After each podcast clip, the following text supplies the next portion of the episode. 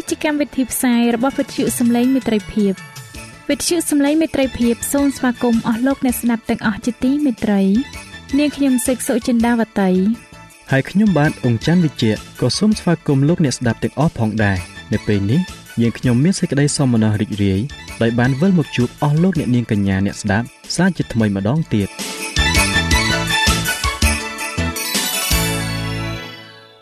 ចា៎លោកអ្នកស្ដាប់ជាទីមេត្រី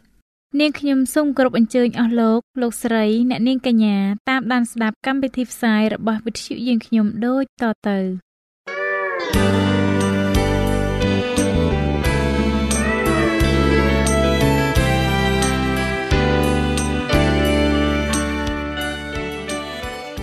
ព្រះបន្ទូលសម្រាប់អ្នកនៅថ្ងៃនេះព្រះគម្ពីរលូកាចំពុក6ខ36បានចែងថាដូច្នេះ ចូលអ្នករាល់គ្នាមានចិត្តមេត្តាករុណាដូចជាព្រះវរបិតានៃអ្នកទ្រង់មានប្រតិមេត្តាករុណាដែរ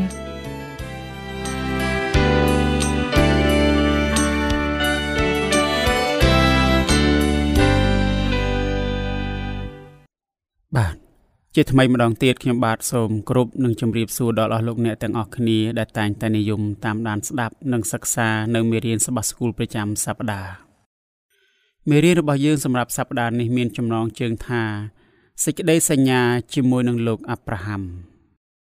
ប្រសិនបើលោកអ្នកចង់បានមេរៀននេះប្រើប្រាស់នៅលើទូរស័ព្ទដៃ Android លោកអ្នកអាចទាញយកបានតាមរយៈ Play Store ដោយវាយថាខ្មែរសបាស្គូលអស់លោកអ្នកជាទីមេត្រី យើងបានសិក្សាអំពីសេចក្តីសញ្ញា ដែលព្រះបានតាំងឡើងជាមួយនឹងលោកអាប់រ៉ាមនៅក្នុងបទគម្ពីរលោកុបាទចំពុក15សេចក្តីសញ្ញានេះ គឺជាសេចក្តីសញ្ញាជាលើកទី2ដែលព្រះបានតាំងឡើងជាមួយនឹងមនុស្សលោក ព្រះបានតាំងសេចក្តីសញ្ញាទី1ជាមួយនឹងលោកណូអេសេចក្តីសញ្ញាដែលបានតាំងឡើងនៅពេលនោះក៏ភ្ជាប់ជាមួយនឹងព្រះពរសម្រាប់សាសដតីផងដែររីឯសេចក្តីសញ្ញាដែលបានតាំងឡើងជាមួយនឹងលោកអាប់រ៉ាមនេះវិញ នោះក៏បានភ្ជាប់ជាមួយនឹងព្រះពរសម្រាប់សាសដតីទៀតដែរទន្ទឹមនឹងនេះជីវិតរបស់លោកអាប់រ៉ាមក៏ពេញទៅដោយការភ័យខ្លាច និងការសើចសប្បាយព្រះគម្ពីរបានបង្ហាញប្រាប់យើងថាលោកអាប់រ៉ាមមានសេចក្តីភ័យខ្លាចសារ៉ាក៏មានសេចក្តីភ័យខ្លាចដែរចំណែកឯនាងហាកាវិញក៏មានសេចក្តីភ័យខ្លាចដូចជាពួកគេដែរនៅពេលដែលលោកអាប់រ៉ាមសើចនាងសារ៉ាក៏សើចរួមទាំងលោកអ៊ីស្ម៉ាអែលផងដែរនៅក្នុងគម្ពីរលោកកបាត់បានបង្ហាញយើងអំពីអារម្មណ៍កក់ក្ដៅនិងសេចក្តីស្រឡាញ់នៅក្នុងចិត្តរបស់លោកអាប់រ៉ាម លោកបានយកចិត្តទុកដាក់យ៉ាងខ្លាំងចំពោះមនុស្សអាក្រក់នៅក្នុងស្រុកសូដុំលោកចង់ឲ្យពួកគេបានសង្គ្រោះដែរលោកអាប់រ៉ាមក៏បានបង្ហាញថា លោកបានយកចិត្តទុកដាក់យ៉ាងខ្លាំងចំពោះនាងសារ៉ានិងនាងហាកានិងលោកលុតជាក្មួយដែរហើយគាត់ក៏បានសេចក្តីសប្បុរសចំពោះភ្ញៀវ3នាក់ដែលជាទេវតានោះទៀតផង នៅក្នុងអំឡុងពេលនោះព្រះបានបដូរឈ្មោះរបស់លោកអាប់រ៉ាមទៅជាលោកអាប់រ៉ាហាំវិញ។ ឈ្មោះនេះបានបង្ហាញយើងថាលោកអាប់រ៉ាហាំនឹងធ្វើជាឪពុកនៃសាសជាច្រើនដោយដែលមានចែងនៅក្នុងគម្ពីរលោកុបាតចំពុក17ខ5ជាការពិតណាស់សេចក្តីសន្យានេះបានបង្ហាញយើងថា ព្រះមានផែនការធំធំជាច្រើនសម្រាប់លោកអាប់រ៉ាហាំលោកអាប់រ៉ាមបានបង្ហាញថាយើងត្រូវតែរស់នៅដោយសេចក្តីជំនឿយ៉ាងដូចនោះដែរព្រះបានសូមឲ្យលោកអាប់រ៉ាមថ្វាយដង្វាយដុតដល់ទ្រង់ តើដង្វាយនេះ បានបង្ហាញយើងយ៉ាងដូចម្ដេចសម្រាប់ចម្លើយ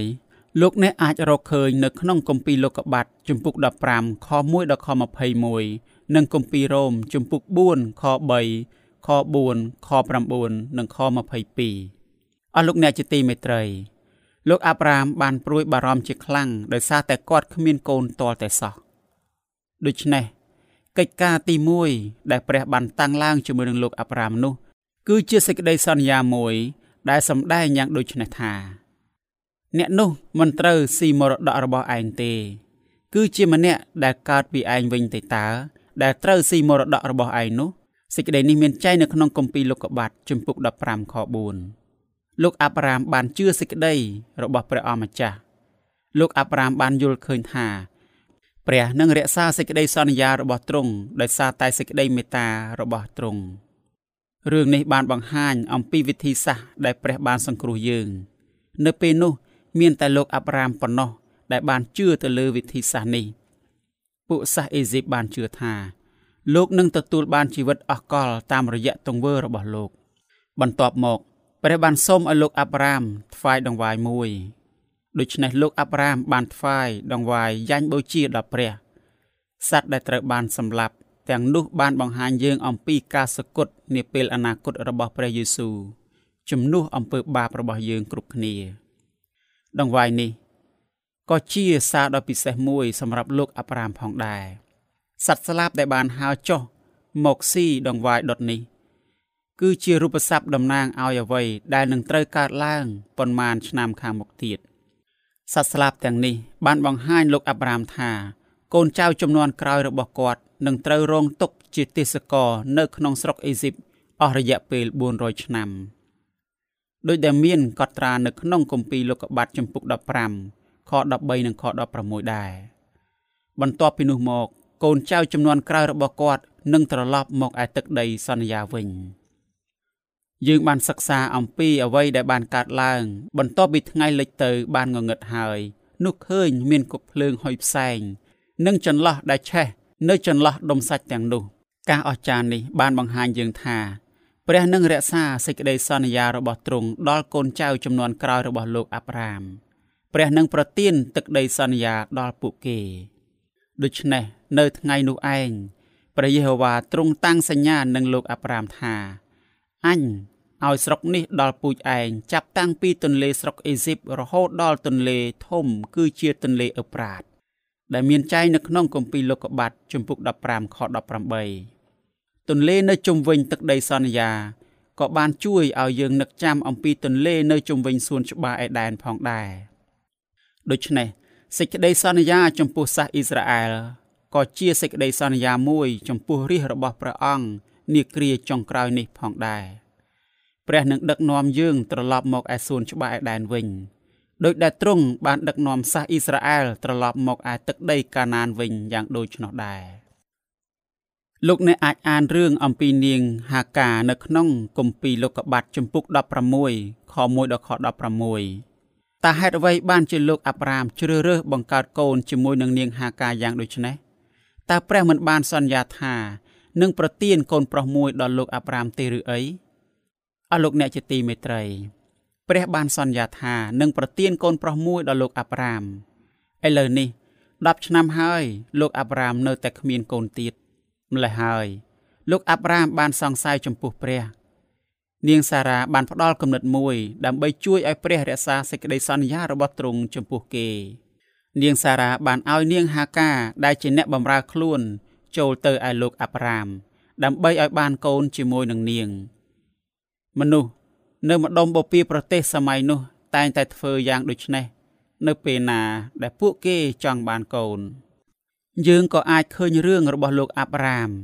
និងនាងអេវ៉ានៅក្នុងសួនអេដែនតាមរយៈរឿងរបស់លោកអាប់រ៉ាមនិងនាងសារ៉ាផងដែររឿងទាំងពីរនេះ បានបង្ហាញគោលគំនិតដូចគ្នាជាច្រើនយ៉ាង ទី1នាងសារ៉ាយនិងនាងអេវ៉ាបានបញ្ចេញសកម្មភាពមុនគេនៅក្នុងរឿងទី2 លោកអាប់រ៉ាមនិងលោកអាដាមបានស្ដាប់បង្គាប់ប្រពន្ធរបស់ពួកគេជាជាងការជឿទុកចិត្តទៅលើព្រះជាម្ចាស់ទំនាក់ទំនងរវាងរឿងទាំងពីរនេះ បានបង្ហាញយើងថាព្រះមិនសពព្រះទេជាមួយនឹងការសម្រេចចិត្តរបស់នាងសារ៉ាយហើយនឹងលោកអាប់រ៉ាមនោះឡើយលោកប៉ុលបានមានប្រសាសន៍អំពីរឿងរបស់ពួកគេដើម្បីបង្ហាញយើងថាព្រះបានសង្គ្រោះយើងដោយសារតែព្រះគុណរបស់ព្រះមិនមែនជាទង្វើល្អរបស់យើងនោះឡើយ។ សេចក្តីនេះមានចែងនៅក្នុងគម្ពីរកាឡាទីជំពូក4ខ23ដល់ខ26រឿងទាំងពីរនេះបានបង្ហាញយើងនូវលទ្ធផលដូចគ្នា នៅពេលដែលយើងប្រឆាំងទាស់នឹងផែនការរបស់ព្រះសម្រាប់ជីវិតរបស់យើង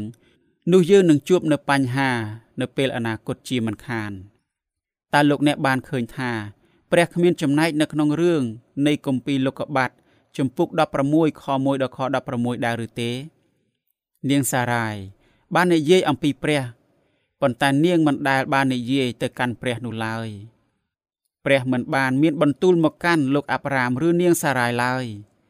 ព្រះទ្រង់ស្ងាត់ស្ងៀមហើយការស្ងាត់ស្ងៀមរបស់ទ្រង់នេះ គឺជាការភ្ញាក់ផ្អើលជាទីបំផុតតើហេតុអ្វី នោះ គឺដោយសារតែទ្រង់បានមានបន្ទូលយ៉ាងច្រើនជាមួយនឹងលោកអាប់រ៉ាម នៅក្នុងជំពូកខាងដើម មុនរឿងនេះរួចទៅហើយ ក្រោយមក នៅក្នុងរឿងនេះ ព្រះបានបង្ហាញអង្គទ្រង់ដល់នាងហាកាប៉ុន្តែ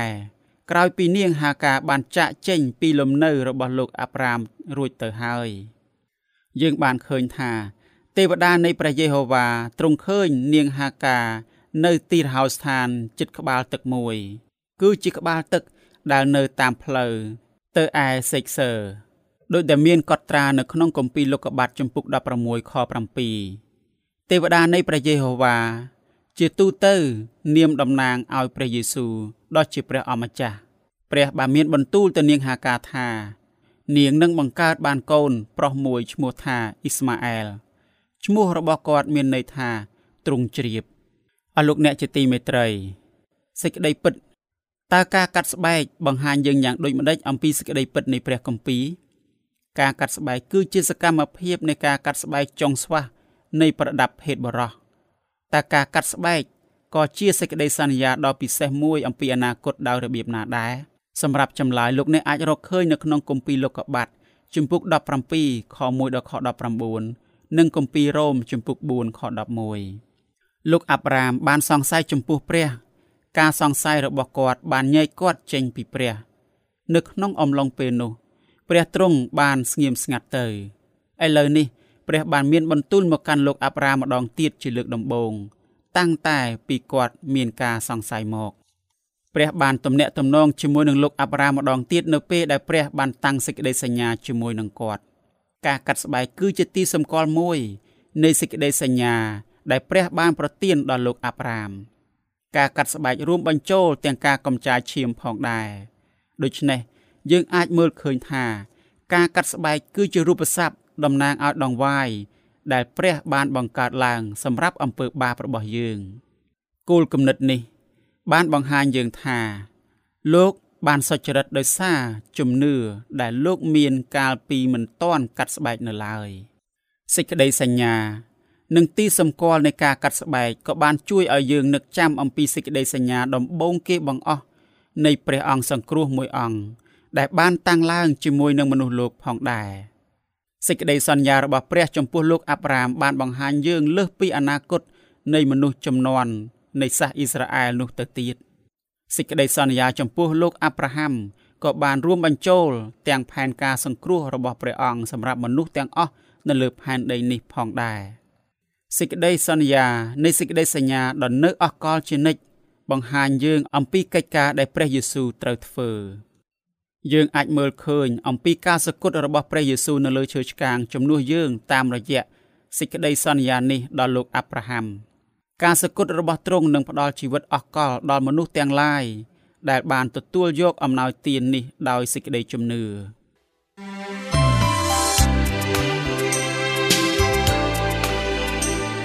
សេចក្តីជំនឿកើតឡើងដោយលឺ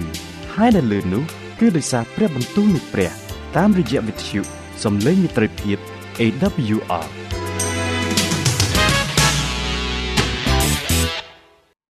អរលោកអ្នកជាទីមេត្រី យើងបានឃើញសេចក្តីសន្យានៃជីវិតដ៏នៅអកលជានិច្ចនេះ នៅក្នុងការផ្លាស់ប្ដូរឈ្មោះសម្រាប់លោកអាប់រ៉ាម និងនាងសារ៉ាយអាប់រ៉ាមមានន័យថាឪពុកដ៏ខ្ពង់ខ្ពស់បំផុត ចំណែកឯសារ៉ាយវិញ មានន័យថា ព្រះនាងរបស់ខ្ញុំ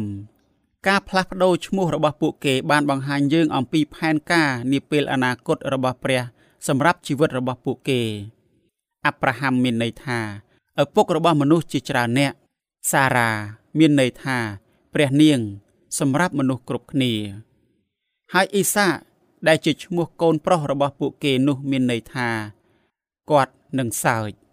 ឈ្មោះនេះបានជួយឲ្យយើងនឹកចាំអំពីការសើចរបស់នាងសារ៉ា នៅក្នុងគម្ពីរលោកុបាតចំពុក17ខ17ការសើចនេះបានបង្ហាញយើងអំពីការសង្ស័យរបស់គាត់ឬមួយអាចជាការអស្ចារ្យរបស់គាត់ចំពោះសេចក្តីសន្យាដ៏មានអំណាចរបស់ព្រះក៏ថាបានមែនហើយលោកអាប់រ៉ាហាំបានជឿជាក់ចំពោះអ្វីដែលព្រះអម្ចាស់បានសន្យានឹងគាត់ទោះបីជាយ៉ាងនេះក្តី មានពេលខ្លះគាត់ក៏មានការលំបាកក្នុងការរស់ ដោយសេចក្តីជំនឿដ៏ល្អឥតខ្ចោះនិងជឿជាក់ទៅលើព្រះផងដែរអស់លោកអ្នកជាទីមេត្រីមនុស្សគ្រប់គ្នាដែលស្នាក់នៅជាមួយនឹងលោកអាប់រ៉ាហាំសុទ្ធតែត្រូវបានកាត់ស្បែកទាំងអស់យើងបានឃើញរួចមកហើយថាការកាត់ស្បែកគឺជាការកាត់ចុងស្វះនៃប្រដាប់ភេទបុរសដូច្នេះលោកអ៊ីស្ម៉ាអែលនិងអ្នកបម្រើរបស់លោកអាប់រ៉ាហាំទាំងអស់សុទ្ធតែត្រូវបានកាត់ស្បែក ពាក្យសរសេរថាទាំងប៉ុន្មាន ប្រែមកពីពាក្យថាកុលជាភាសាហេប្រឺដែលកុលនេះមានន័យថាទាំងអស់បន្ទាប់ពីបរោះទាំងអស់ត្រូវបានកាត់ស្បែករួចរាល់ហើយ ព្រះបានលេចមកឲ្យលោកអាប់រ៉ាហាំឃើញ បន្ទាប់មកទ្រង់បានសន្យានឹងប្រទានកូនប្រុសមួយដល់លោកអាប់រ៉ាហាំលោកអ្នកអាចអានរឿងរាវអំពីលោកអាប់រ៉ាហាំនិងភ្ញៀវទាំង3នាក់នៅក្នុងគម្ពីរលោកុបាតចំពុក18ខ1ដល់ខ15 តើយើងបានរៀនមេរៀនអ្វីខ្លះចេញអំពីរឿងស្ដីអំពីសេចក្តីសប្បុរសនិងការផ្គត់ផ្គង់អាហារដល់អ្នកដទៃនេះតើព្រះបានតបស្នងទៅនឹងទង្វើល្អរបស់លោកអាប់រ៉ាហាំដោយរបៀបណាតើយើងអាចបកស្រាយសេចក្តីសន្យានេះ មកពីព្រះដោយរបៀបណាដែរអស់លោកអ្នកជាទីមេត្រី លោកអាប់រ៉ាមបានសង្ស័យចំពោះព្រះ ការសង្ស័យរបស់គាត់បានញែករួចព្រះយេហូវ៉ាទ្រង់លេចមកឯគាត់ នៅត្រង់ដើមម៉ៃសាក់របស់ម៉ាមរេ ក្នុងកាលដែលគាត់កំពុងអង្គុយនៅមាត់ទ្វារត្រសាល នៅវេលាថ្ងៃពេញកម្ដៅជាទូទៅភ្ញៀវមិនងាយមកឯទីរហោស្ថាននោះឡើយម្ល៉េះហើយលោកអាប់រ៉ាហាំប្រហែលជាចង់ជួបសំណេះសំណាលជាមួយនឹងមនុស្សប្លែកមុខទាំងនេះណាស់លោកអាប់រ៉ាហាំបានរត់ទៅទទួលពួកគេអស់លោកអ្នកជាទីមេត្រីសូមលោកអ្នកចាំថា លោកអាប់រ៉ាហាំមានអាយុ99ឆ្នាំទៅហើយគាត់បានហៅបរិះម្នាក់ក្នុងចំណោមនោះថា ជាអាដូណៃដែលមានន័យថាព្រះអង្គម្ចាស់របស់ខ្ញុំ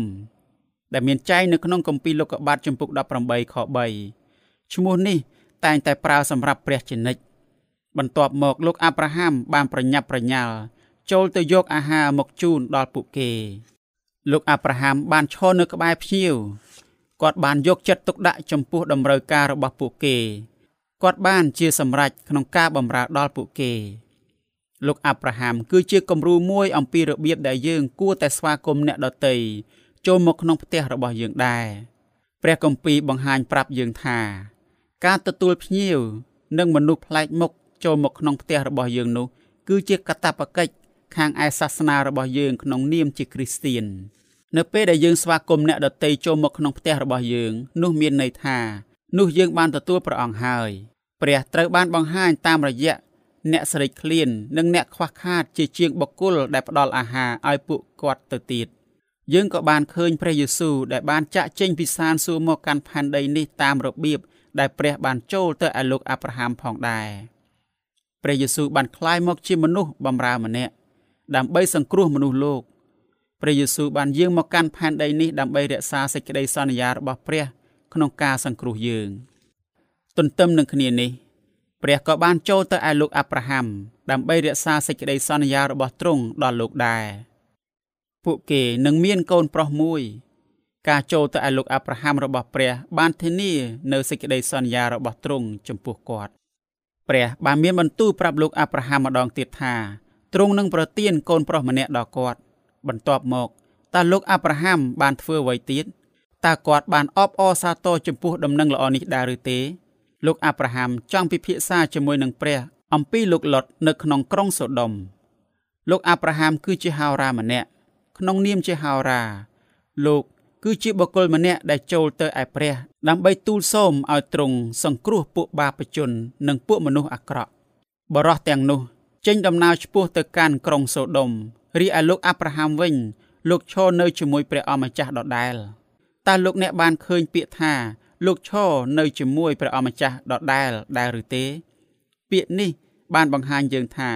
លោកអាប់រ៉ាហាំកំពុងតែអធិដ្ឋាននៅឡើយលោកអាប់រ៉ាហាំបានសូមឲ្យព្រះសង្គ្រោះក្រុងសូដុំដែលជាកន្លែងដែលក្មួយប្រុសរបស់គាត់បានស្នាក់នៅលោកអាប់រ៉ាហាំបានចរចាជាមួយនឹងព្រះសម្រាប់ជីវិតនៃមនុស្សដែលនៅក្នុងក្រុងនោះ ព្រះបានយល់ព្រមសង្គ្រោះមនុស្សនៅក្នុងក្រុងសូដុំប្រសិនបើមានមនុស្សល្អត្រឹមតែ10នាក់នៅក្នុងក្រុងនោះ ក្នុងពេលនោះផងដែរមានទេវតាពីរអង្គក៏បានចូលទៅក្នុងក្រុងសូដុំដើម្បីប្រមានលោកលុតផងដែរហេតុការណ៍ដែលបានកើតឡើងបន្ទាប់នោះ បានបង្ហាញយើងថា ក្រុងសូដុំអាក្រក់ជាទីបំផុត អ្នកស្រី Ellen G. White បានលើកឡើងថាឥឡូវនេះយប់ចុងក្រោយនៃក្រុងសូដុំបានមកដល់ហើយ នៅពីលើទីក្រុងមានសុទ្ធតែដុំពពកខ្មៅងងឹតដុំពពកទាំងនេះគឺជាទីសម្គាល់មួយដុំពពកបានបង្ហាញអំពីសេចក្តីក្រោធរបស់ព្រះប៉ុន្តែមនុស្សនៅក្នុងក្រុងសូដុំមិនបានយល់អំពីទីសម្គាល់នេះឡើយពួកទេវតាបំផ្លាញបានចូលមកជិតក្រុងរួចរាល់ហើយនៅពេលបន្ទាប់បែបនេះ មនុស្សនៅក្នុងក្រុងបែរជាគិតអំពីសេចក្តីស្រើបស្រាលនិងភាពមានបានទៅវិញ នៅចុងក្រោយនៃក្រុងសូដុំនេះក៏ដូចគ្នាទៅនឹងថ្ងៃមុនមុនផងដែរល្ងាចបានចូលមកដល់ខណៈពេលដែលពន្លឺនៃព្រះអាទិត្យកំពុងតែរសាត់ចេញពីទីក្រុងមើលទៅហាក់ដូចជាមានសវត្ថភាព និងស្រស់ត្រកាលជាទីបំផុត ភាពត្រជាក់នាពេលល្ងាចនោះ បានតាក់ទាញមនុស្សដែលរស់នៅក្នុងទីក្រុងនោះវងមនុស្សបានចេញមកខាងក្រៅដើម្បីស្វែងរក ការសប្បាយនៅនាទីនោះ ពួកគេគិតតែពីភាពត្រេកត្រអាលដែលពួកគេអាចរកបានតែប៉ុណ្ណោះនៅទីបំផុតព្រះអាចសង្គ្រោះបានត្រឹមតែលោកលុតប្រពន្ធនិងកូនស្រីពីរនាក់របស់គាត់តែប៉ុណ្ណោះកូនប្រសាររបស់លោកលុតមិនបានចេញពីទីក្រុងនោះឡើយបន្ទាប់មក ទីក្រុងដ៏ស្រស់ស្អាតមួយនេះត្រូវបានបំផ្លាញទៅ ពាក្យថាបំផ្លាញប្រែមកពីពាក្យថាអាហ្វាកជាភាសាហេប្រឺយើងបានឃើញពាក្យនេះជាច្រើនដងនៅក្នុងរឿងនេះ ពាក្យថាអាហ្វាកបានបង្ហាញយើងថា ក្រុងសូដុំត្រូវបានបំផ្លាញទាំងស្រុងគ្មានសល់អ្វីឡើយដូច្នេះក្រុងសូដុំត្រូវបានលុបចេញ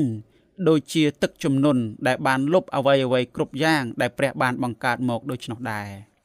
ហេតុការណ៍ដែលបានកើតឡើងដល់ក្រុងសូដុំក៏ជារូបស័ព្ទមួយផងដែរហេតុការណ៍នេះបានបង្ហាញអំពីអ្វីដែលនឹងត្រូវកើតឡើងនៅគ្រាចុងក្រោយបំផុតនៃផែនដីនេះ លោកអាប់រ៉ាហាំបានសូមឲ្យព្រះសង្គ្រោះមនុស្សដែលនៅក្នុងក្រុងសូដុំនោះគំរូរបស់លោកអាប់រ៉ាហាំគួរតែលើកទឹកចិត្តយើងឲ្យអធិដ្ឋានសម្រាប់ពួកបាបជនទោះបីជាយើងមានអារម្មណ៍ថា ពួកគេគ្មានសង្ឃឹមថានឹងបានសង្គ្រោះក៏ដោយចម្លើយរបស់ព្រះបានបង្ហាញយើងថា ព្រះទ្រង់សពព្រះតីក្នុងការអត់ឱនទោសដល់យើង ព្រះនឹងបង្ហាញសេចក្តីមេត្តារបស់ទ្រង់ ទោះបីជាមានមនុស្សត្រឹមតែមួយចំនួនតូចដែលអាចបានសង្គ្រោះយ៉ាងណាក៏ដោយព្រះនឹងអត់ឱនទោសដល់ក្រុងទាំងមូលប្រសិនបើមានមនុស្សស្មោះត្រង់និងទ្រង់មួយចំនួនតូចនៅក្នុងក្រុងនោះអ្នកស្រី Ellen G. White បានមានប្រសាសន៍ថាមនុស្សទាំងអស់នៅជុំវិញយើង កំពុងតែធ្លាក់ចុះនៅក្នុងសេចក្តីវិនាសអ្វីដែលកំពុងតែកើតឡើងចំពោះពួកគេនោះអាក្រក់និងអស់សង្ឃឹម ដូចជាសេចក្តីអាក្រក់ដែលបានកើតឡើងដល់ក្រុងសូដុំយ៉ាងដូចនោះដែរមនុស្សកំពុងតែស្លាប់ជារៀងរាល់ថ្ងៃឱកាសរបស់ពួកគេក្នុងការទទួលបានសេចក្តីអត់ឱនទោសនោះបានមកដល់ទីបញ្ចប់ហើយជារៀងរាល់នាទីគ្រប់នាទីទាំងអស់មនុស្សខ្លះមិនអាចសង្គ្រោះដោយសារព្រះគុណបានតទៅទៀតឡើយតើមនុស្សដែលប្រមានដល់ប្រលឹងបាត់បង់ទាំងនេះនៅឯណាទៅ តើដៃដែលឈោងទាញប្រលឹងបាត់បង់ទាំងនេះ ចេញពីសេចក្តីស្លាប់នៅឯណាទៅតើអ្នកណាទៅ ដែលគ្មានសេចក្តីអំនួតនៅក្នុងចិត្តតើអ្នកណាទៅ ដែលអាចស៊ូទ្រាំជាមួយនឹងសេចក្តីជំនឿបានតើអ្នកណាទៅដែលអាចទូលសូមឲ្យព្រះជួយដល់មនុស្សបាត់បង់ទាំងនេះបានវិញ្ញាណរបស់លោកអាប់រ៉ាហាំគឺជាវិញ្ញាណរបស់ព្រះយេស៊ូវគ្រីស្ទព្រះរាជបុត្រារបស់ព្រះ គឺជាអ្នកដែលចូលទៅឯព្រះ ដើម្បីសូមជំនួយសម្រាប់បាបជនព្រះយេស៊ូវបានចេញថ្លៃលួសដើម្បីសង្គ្រោះយើងចេញពីបាបហើយទ្រង់ក៏បានជ្រាបអំពីតម្លៃរបស់មនុស្សគ្រប់គ្រប់គ្នាផងដែរអស់លោកអ្នកជាទីមេត្រីតើខ្លឹមសារទាំងអស់នេះមិនមែនជាសេចក្តីសង្ឃឹមសម្រាប់យើងនៅថ្ងៃនេះទេឬអីមុននឹងខ្ញុំជម្រាបលាពីលោកអ្នកទៅខ្ញុំសូមលើកយកនៅខគម្ពីរមួយទុកជាចំណងដៃជូនដល់អស់លោកអ្នកសម្រាប់មេរៀននៅសប្តាហ៍នេះ ខគម្ពីរនេះគឺគម្ពីរលោកុបាទចំពុក15ខ2ដែលបានចែងថា នោះអាប់រ៉ាមគាត់ទូលសួរថាអោព្រះយេហូវ៉ាជាព្រះអម្ចាស់អើយតើទ្រង់នឹងប្រទានអ្វីមកទូលបង្គំដែលទូលបង្គំចេះតែនៅដោយឥតមានកូនដូច្នេះហើយអ្នកដែលត្រូវធ្វើជាម្ចាស់លើផ្ទះទូលបង្គំនោះមានតែអេលីសឺដែលជាអ្នកស្រុកដាម៉ាស់នេះប៉ុណ្ណោះអស់លោកអ្នកជាទីមេត្រី នៅក្នុងមេរៀននេះបានបង្ហាញអំពីសេចក្តីសន្យាដែលទ្រង់បានបំពេញជាមួយនឹងលោកអាប់រ៉ាមដែលលោកនឹងក្លាយទៅជាឪពុកនៃមនុស្សជាច្រើននៅលើផែនដីនេះនិងរឿងរ៉ាវជាច្រើនទៀតដែលតាក់ទងជាមួយនឹងជីវិតរបស់លោកនិងសេចក្តីជំនឿដូច្នេះសូមឲ្យមេរៀននេះបានចម្រើនសេចក្តីជំនឿដល់អស់លោកអ្នកទាំងអស់គ្នាទៅកាន់ព្រះជាម្ចាស់នៅក្នុងដំណើរជីវិតរបស់អស់លោកអ្នករៀងរៀងខ្លួន ខ្ញុំនឹងវិលត្រឡប់មកជួបអស់លោកអ្នកជាថ្មីម្ដងទៀតនៅមេរៀនសម្រាប់សប្តាហ៍ក្រោយ សូមអរគុណសូមជម្រាបលា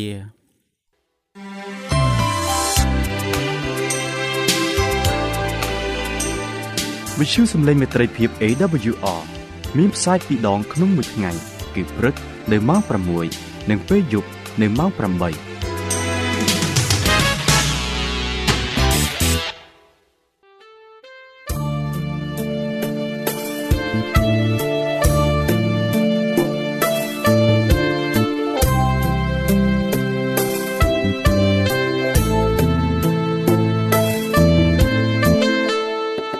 ជាលោកអ្នកមានសំណួរឬសំណុំពរអ្វីសូមតាក់ទងមកការិយាល័យវិទ្យុយើងខ្ញុំ តាមអាស័យដ្ឋានផ្ទះលេខ15ផ្លូវលេខ568សង្កាត់បឹងកក់2ខណ្ឌទួលគោករាជធានីភ្នំពេញលោកអ្នកក៏អាចសរសេរសម្បត្តិផ្ញើមកយើងខ្ញុំ តាមរយៈប្រអប់សម្បត្តិលេខ488ភ្នំពេញឬតាមទូរស័ព្ទលេខ012 34 96 64ឬ097 80 81 060ឬក៏តាមរយៈអ៊ីមែល vol@awr.org យើងខ្ញុំរងចាំទទួលស្វាគមន៍អស់លោកអ្នកនាងដោយក្តីសោមនស្សរីករាយហើយលោកអ្នកក៏អាចស្ដាប់កម្មវិធីនេះឡើងវិញ ដោយចូលទៅកាន់ website របស់វិទ្យុយើងខ្ញុំតាមរយៈអាស័យដ្ឋាន www.awr.org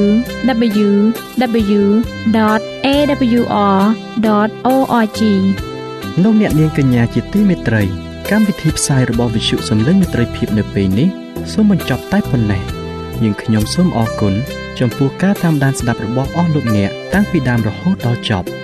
យើងខ្ញុំសូមជូនពរឲ្យអស់លោកអ្នកនាងកញ្ញាទាំងអស់ បានចម្រើនឡើងក្នុងព្រះគុណព្រះអង្គម្ចាស់ហើយក្នុងការទទួលយកព្រះយេស៊ូវគ្រីស្ទជាព្រះអង្គម្ចាស់និងជាព្រះអង្គសង្គ្រោះនៃយើងរាល់គ្នា